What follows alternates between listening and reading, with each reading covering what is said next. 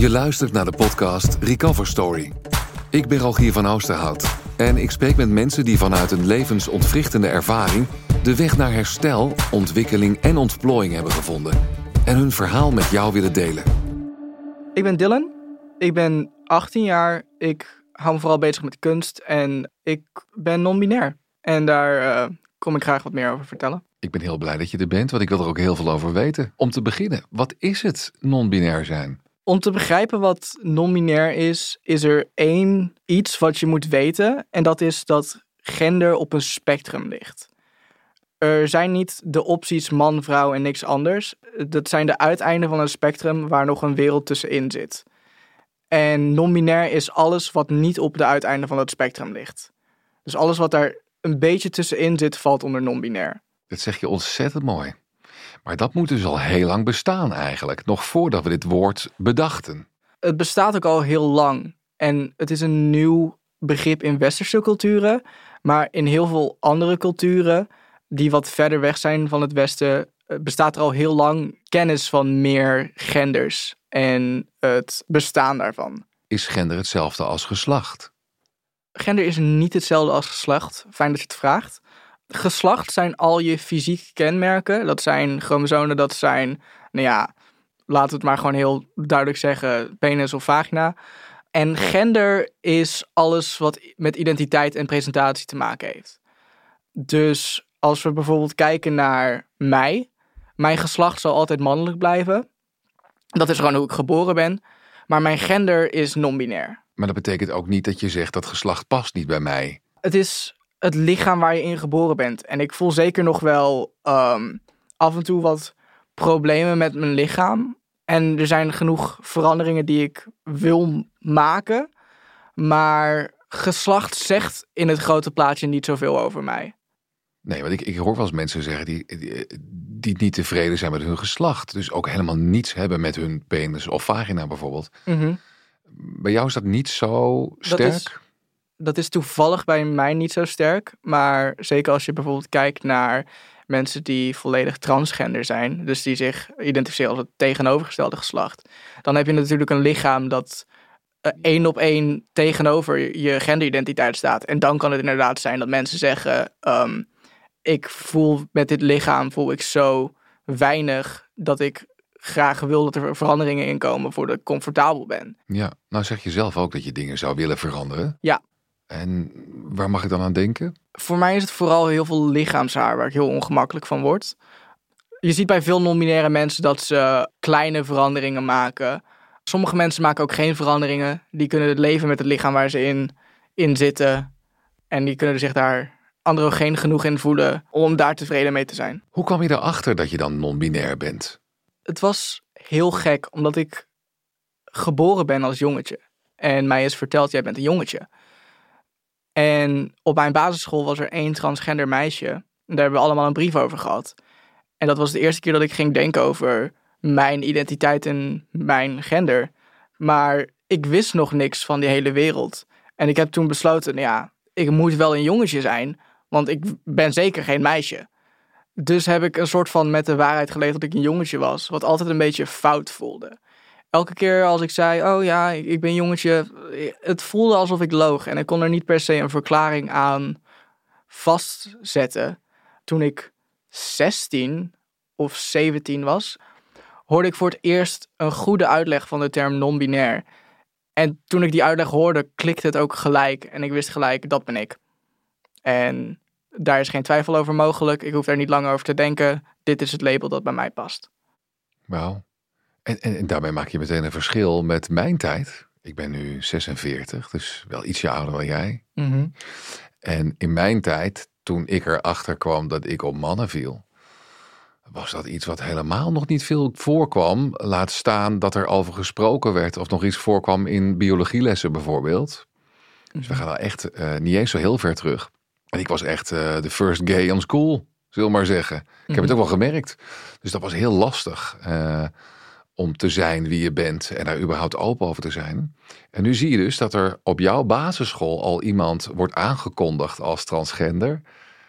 En dat er over gesproken wordt, misschien zelfs over wordt onderwezen.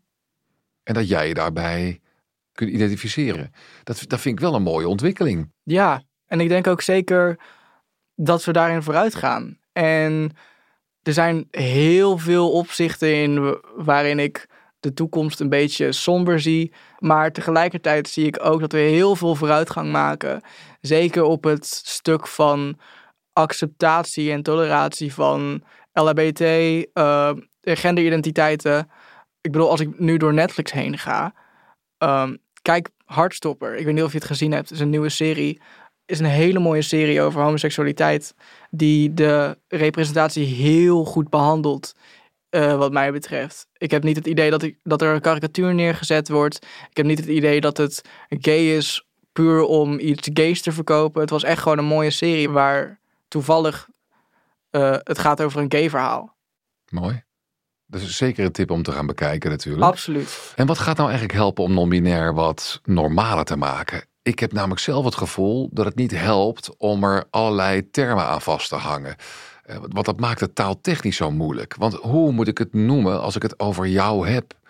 bij een jongetje zeg ik, zeg ik hem uh, of, of hij. En bij een meisje zou het haar zijn of zij. En bij jou? Ik gebruik de voornaamwoorden die, diens of hen, hun. Als voorbeeldzin, ik zag hen laatst op hun fiets fietsen. Ik zal die nog even aanspreken, want die moet nog huiswerk maken.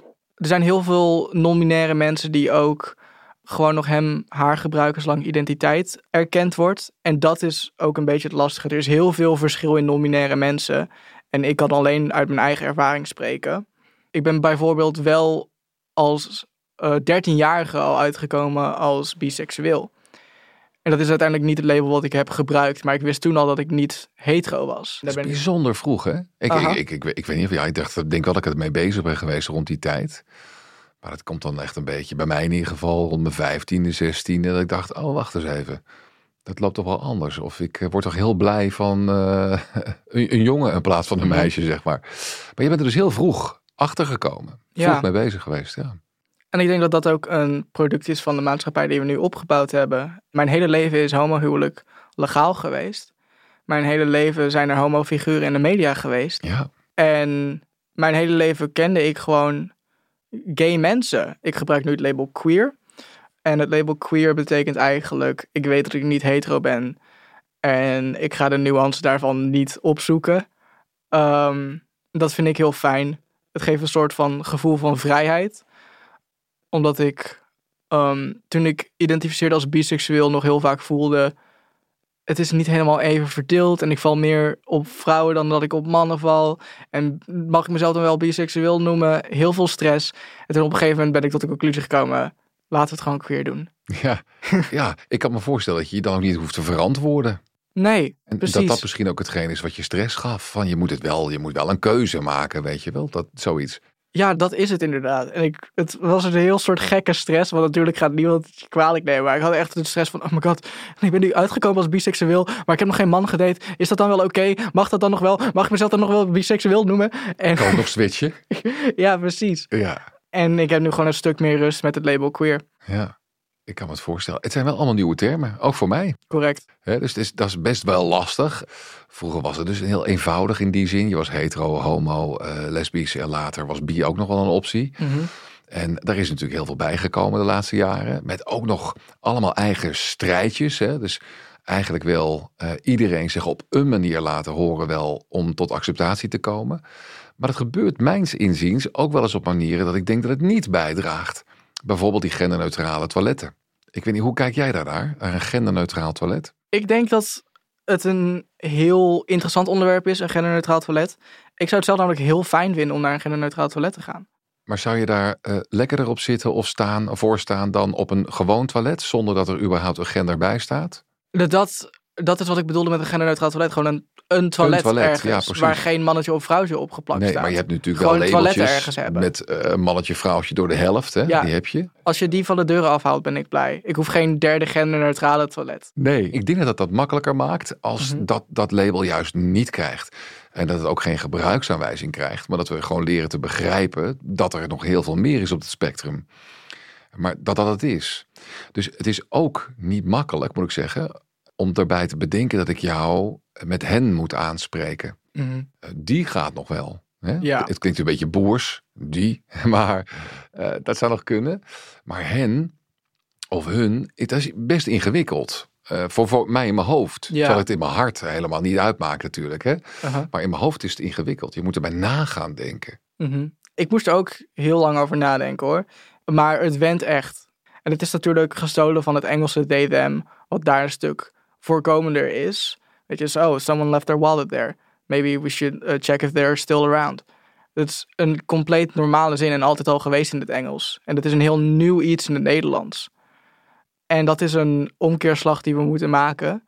En dat is lastig, maar als een hoop mensen zich daar comfortabeler mee voelen, is het uiteindelijk een kleine moeite. Maar ik denk persoonlijk dat de meeste mensen die juist de intentie wel hebben. Ja, precies. Dat is het. Want ik zie hier een heel knap en stralend mens voor me zitten. Dankjewel, dankjewel. Maar dat hoeft niet eens per se een hij, een hen of een haar te zijn per definitie. Hè? Maar dan zit het in taal. Het leidt een beetje af van wat ik zie en wat ik voel als ik tegenover je zit. Hè? Dus als je erover na moet denken bedoel ik. Dus dat maakt het wat lastiger in de strijd, eh, denk ik zomaar, voor Mhm. acceptatie. Want er zijn ook nog talloze varianten op. Misschien moeten we met z'n allen gewoon allemaal niet meer zo belangrijk gaan maken. Wie of wat je bent, eh, eh, waarvan je houdt. En moeten we inderdaad ook maar gewoon helemaal weg van de keuzemogelijkheden op internet. Als jij gaat daten wordt het lastig. Aha. Ben je een emmetje of een veetje? En zoek je dan een emmetje of een veetje? Ja, maar dat ik me gewoon inschrijf voor misschien een sollicitatie of zo. En dat het eerste hokje wat ik in moet vullen man of vrouw is. Weet je, dat vind ik jammer. Want dat, eh, zeker voor een sollicitatie geeft dat wel aan op deze werkvloer. Snappen we nog niet wat jij bent. Nee. Wat helpt jou om er zo open over te zijn? Want je, je praat er heel gemakkelijk over. Heel vrij. op een gegeven moment is er een switch in mij omgegaan. En ik kan het moment niet per se vinden. Maar toen is voor mij heel duidelijk geweest.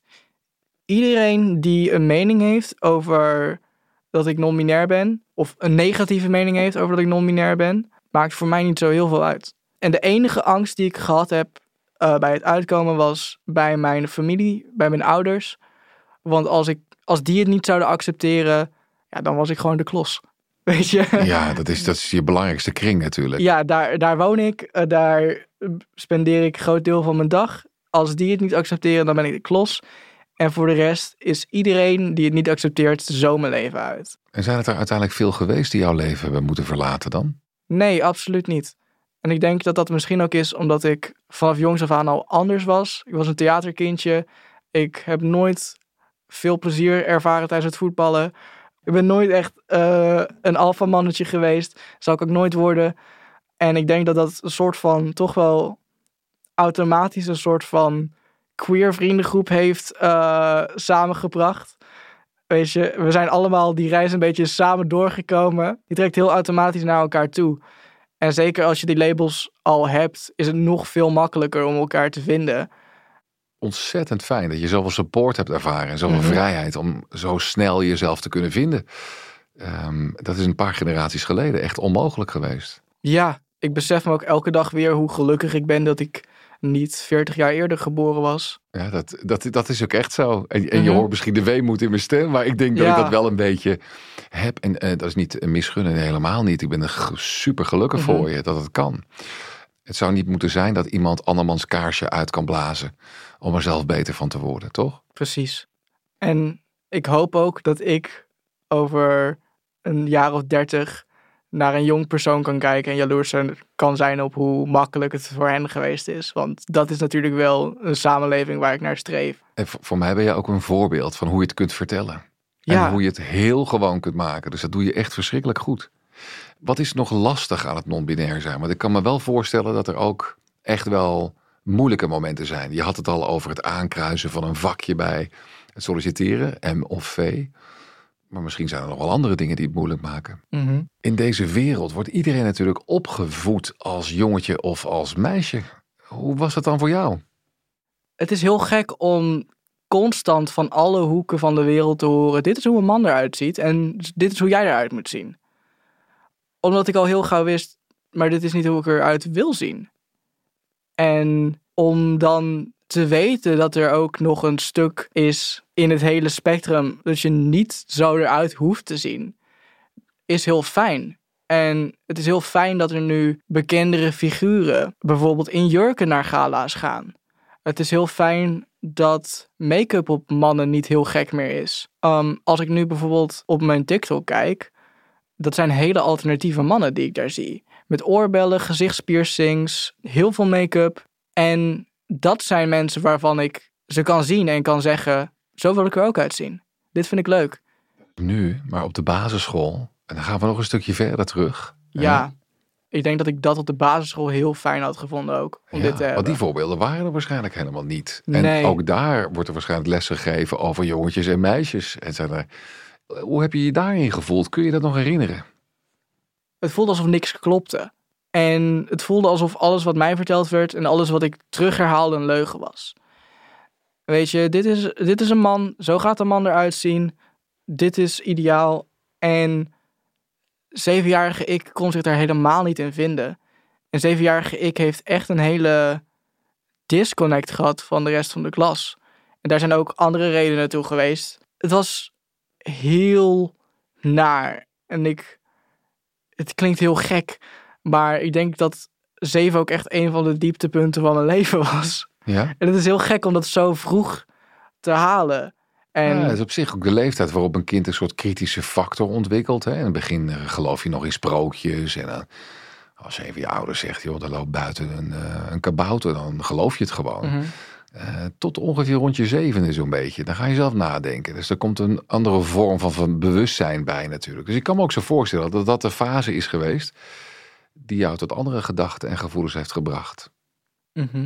En dat was het ook. En ik denk dat als ik op die leeftijd, als ik iemand in de media had gezien die openlijk zei: Ik ben non-binair, of als er weet ik wel, iemand in mijn omgeving was, daar had ik zoveel aan gehad. Dit is misschien een beetje een gek bruggetje, maar ik heb altijd gezegd: Ik wil later bekend worden. En dat is heel gek om op je achttiende nog te zeggen. Dat is iets wat, wat kleine kinderen zeggen, maar ik wil graag later bekend worden. Um, omdat ik graag ook wil zijn wat ik vroeger niet had. Ik wil graag voor andere mensen dat voorbeeld kunnen zijn. Ja. Voor jou is dat nu al lastig en had het niet vroeg genoeg kunnen zijn. Maar als je generaties teruggaat, voor mensen die dat al veel eerder voelden, waar nog helemaal niets over te lezen was. Laat staan dat er enige vorm van acceptatie was als het buiten het hetero-normale zou vallen. Uh, voor hen is dat natuurlijk echt ongelooflijk om te zien. Hè? Die hebben misschien ook wel het gevoel dat ze 50 jaar gemist hebben van hun leven, mm Mhm. bij wijze van spreken. Het is lastig om non-binair te zijn zonder dat een buitenwereld daar je hele identiteit van maakt. Ja, je hebt een soort eh, bezit van het plaatje waarin je bewogen hebt. Dat maakt het lastig, ja. En ik hoop voor jou dat het niet lang duurt. Hè? Dat Mhm. je een goede bijdrage kan leveren aan het uh, vergemakkelijken van dit thema. En het gewoon veel minder spannend maakt, eigenlijk. En ik ben ook benieuwd naar alle varianten die nog komen. Ja, ik ook. En ik hoor inderdaad van generaties boven me dat het allemaal heel nieuw is. En daarbij realiseer ik me ook, zodra ik zo oud ben, zal, zal er waarschijnlijk voor mij weer een hoop nieuwe labels zijn. Die ik weer moet gaan snappen. Ja. Ik denk wel dat we steeds makkelijker in zo'n modus gaan. Zeker als ik nu mijn verhaal vertel, kunnen mensen zeggen: hé, hey, maar ik ben gay opgegroeid. Ik kan hier delen van snappen. En langzaam wordt het steeds normaler. En het wordt steeds duidelijker dat de samenleving niet veranderd is, maar blijft veranderen. En ik denk ook niet dat we heel gauw gaan stoppen. Ik hoop het niet eerlijk gezegd. Ik ook niet. Ik heb nog één vraag aan jou. Want uiteindelijk droom jij misschien, net als ik vroeger, wel over gelukkig worden. En over huisje, boompje, beestje. En als jij daarover droomt, hoe ziet het plaatje er dan uit? Ik wil heel graag ook kinderen. En dat is een statement om te maken op 18. Niet nu. Maar ja, ik wil graag ook bijdragen aan hoe de nieuwe generatie eruit ziet. En natuurlijk kan ik dat doen door mezelf achter te laten en mijn eigen identiteit te delen met de wereld. Maar ja, ik wil graag ook kleine versies van mij de samenleving insturen en kijken hoe we ze kunnen doen. Mooi. Ja.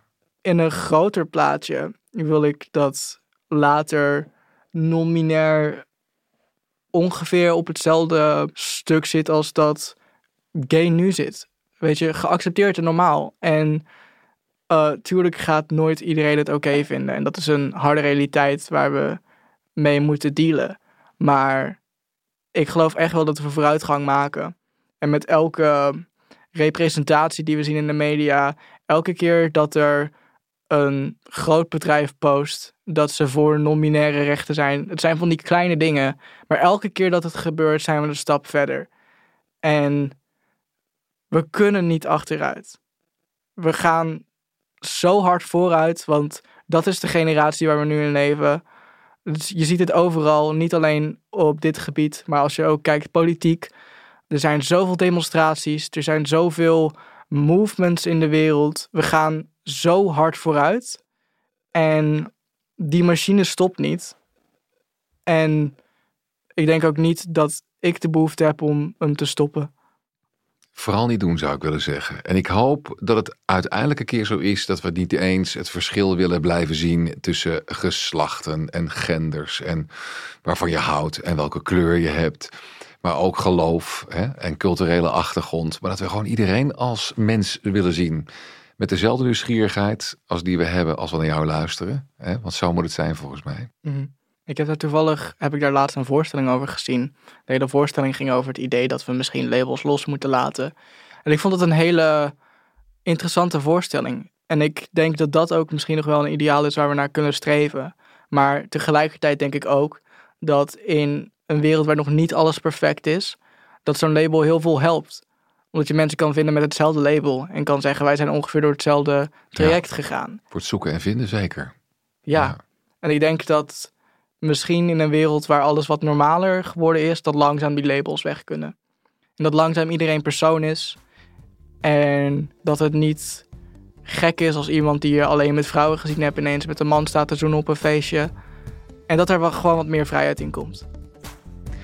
Dylan, ik kan niet anders dan jou een heerlijk vrij, onbelemmerd, onbegrensd en ongeremd leven toe te wensen. Ik uh, ga mijn best doen om dat te pakken. Dat komt wel goed. Dank je wel dat je er wilde zijn. Dank je wel dat ik uitgenodigd ben.